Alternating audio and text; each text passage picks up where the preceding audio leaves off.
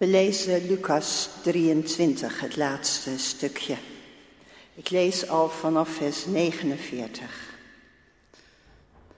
Alle mensen die Jezus gekend hadden, waren op een afstand blijven staan. Ook de vrouwen die hem vanuit Galilea gevolgd waren en alles hadden zien gebeuren. Er was ook een man die Jozef heette en afkomstig was uit de Joodse stad Arimathea. Hij was een raadsheer, een goed en rechtvaardig mens, die de komst van het koninkrijk van God verwachtte en niet had ingestemd met het besluit en de handelswijze van de raad. Hij ging naar Pilatus en vroeg hem om het lichaam van Jezus. Nadat hij het lichaam van het kruis had gehaald, wikkelde hij het in een linnen doek en legde het in een rotsgraf dat nog nooit was gebruikt. Het was de voorbereidingsdag. De sabbat was bijna aangebroken. De vrouwen die met Jezus waren meegereisd uit Galilea waren Jozef gevolgd. Ze zagen het graf en zagen ook hoe Jezus lichaam er werd neergelegd. Daarna gingen ze naar huis, waar ze geurige olie en balsem bereidden. Op de Sabbat namen ze de voorgeschreven rust in acht. Ja, het gaat vandaag over het graf. Jezus is gestorven en in een graf gelegd. Persoonlijk vind ik dat altijd het moeilijkste moment na een overlijden. Dat je bij een graf staat, dat zo'n kist dan daalt. Maar ja, eigenlijk het moeilijkste vind ik dan nog dat je daarna dan weer weggaat. Iedereen gaat weer weg. Soms blijft de familie nog staan rond het graf. Maar ja, daarna gaat ook de familie weg. Richting de aula of wat voor plaats ook. Na zo'n overlijden, na een direct overlijden, dan is er vaak heel veel drukte, is er heel veel te regelen. En je kunt nog naar hem of haar toe om te zien, te voelen. Maar dan is de dienst geweest en de begrafenis en dan ga je weg. Dan blijft de gestorvene achter. En die begrafenisstoet die trekt weer verder. Er was geen grote begrafenisstoet bij Jezus' begrafenis. Er waren maar een paar mensen. Tijdens Jezus' leven waren er heel veel mensen Jezus gevolgd, maar naar zijn begrafenis zijn ze niet gekomen. Op Golgotha hadden zijn bekenden zich op een afstand gehouden. En bij zijn begrafenis zijn ze helemaal uit beeld. Misschien waren ze bang. Misschien konden ze het niet meer aan, murf geslagen. Soms kunnen gebeurtenissen je zo aangrijpen dat je je stoel niet meer afkomt. Hè? Soms kan de dood van een geliefde je zo ontwrichten dat je het nauwelijks zonder ogen kan zien. Nou, zo stel ik me de situatie van die bekenden, de discipelen, voor. Al die mensen zijn op een afstand gebleven. Ze zijn er niet. Jezus wordt begraven door iemand van wie we nu pas voor het eerst eigenlijk horen. Jozef.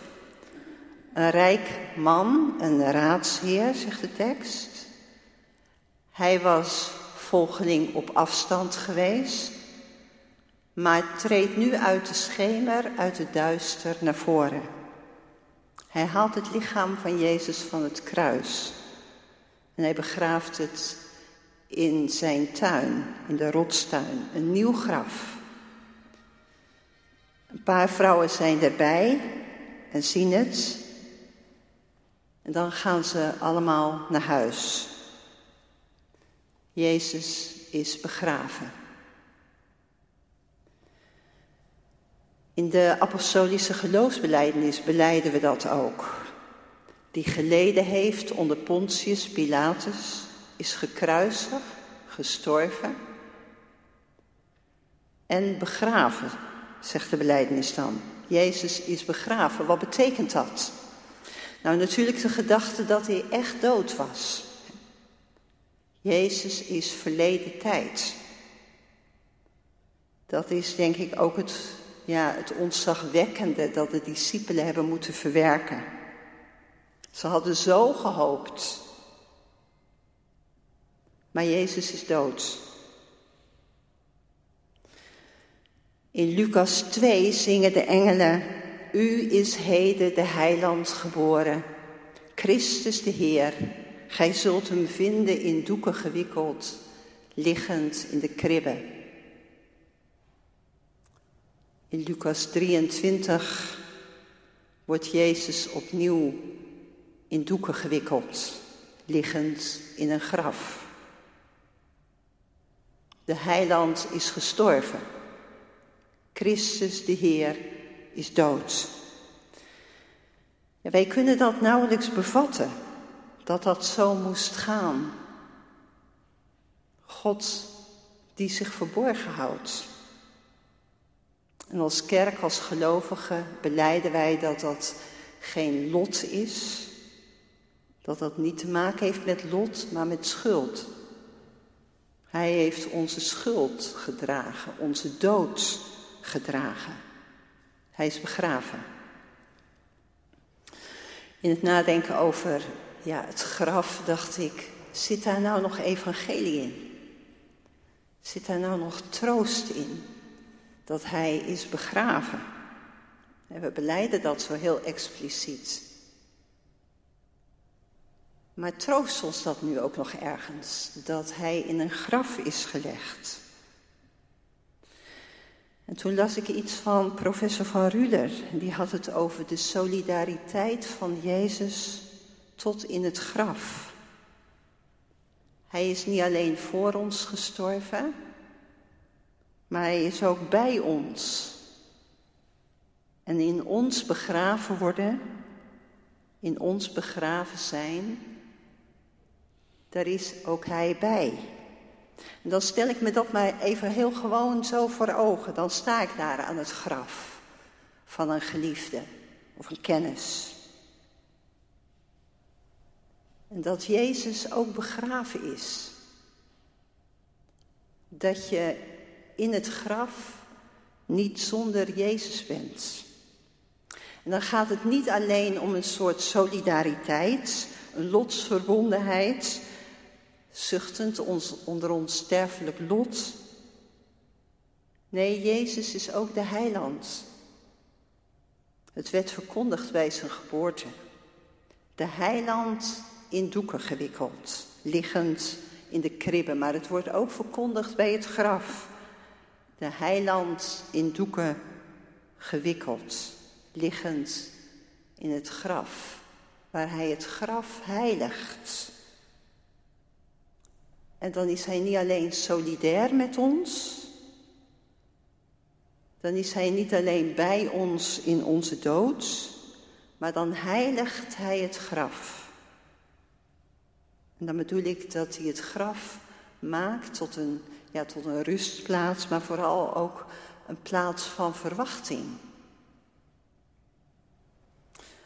Onze tekst eindigt ermee dat de vrouwen naar huis gaan, dan bereiden ze specerijen en balsem en dan willen ze hem gaan balsemen. Maar het wordt sabbat en dan rusten ze eerst naar het gebod. Dat balsemen, dat moet wachten. Eerst is het sabbat. En niet alleen de vrouwen rusten, ook God zelf rust. Hij wacht over de Sabbat heen. Maar dan, op de eerste dag van de week, roept hij het licht in de duisternis. Zoals hij op de eerste scheppingsdag het licht riep. God verstoort de rust van het graf. God verstoort de begrafenis. Hij gaat wekken, wakker roepen. Ik had vorige week in het verpleeghuis waar ik werk een uh, bijbelkring met bewoners. En een bijbelgedeelte van het dochtertje van Jairus was aan de beurt. Dat meisje is gestorven. En dat huis is vol met mensen die allemaal huilen en klagen en heel veel misbaar maken. En dan stuurt Jezus ze allemaal de deur uit. Het meisje is niet dood, het slaapt. Een van de bewoners zei, ja, misschien was ze ook niet echt gestorven. Was het schijndood? We kregen een heel gesprek over de dood als slaap. Over de betekenis van in Christus ontslapen te zijn. Wat je soms boven een rouwkaart ziet. Uit je slaap worden gewekt. God wekt Jezus in de vroege morgen. Wakker worden. Een nieuwe dag. Een nieuw leven. En Jezus stond op uit de dood. Vandaag is het stille zaterdag. De dag van rusten, van wachten. Het is ook de dag van verbondenheid met onze doden. Hun graf is meer dan een rustplaats. Het is de plaats van verwachting. Morgen zal het Pasen zijn. En Pasen betekent wakker worden, Hem zien. Ik eindig met het prachtige gedicht van Ed Hoornik over het dochtertje van Jairus. Ik ben de kleine dochter van Jairus en ik lig hier op een veel te grote baar. De dood zit in mijn ogen en mijn haar dat, nu de krul eruit is, zonder zwier is. Ik mis mijn pop, die nu zij niet meer hier is, slaapt als ik slaap, de vingers in elkaar. Ik weet dat twee en twee tezamen vier is, maar nu ik dood ben, is dat niet meer waar. Waarom had ik daar straks ook weer verdriet? Er zou een man die toveren kon komen, mij beter maken. Maar toen kwam die niet. De mensen op het dak en in de bomen gingen naar huis. Maar ik blijf van hem dromen. Morgen ben ik de eerste die hem zie. Amen.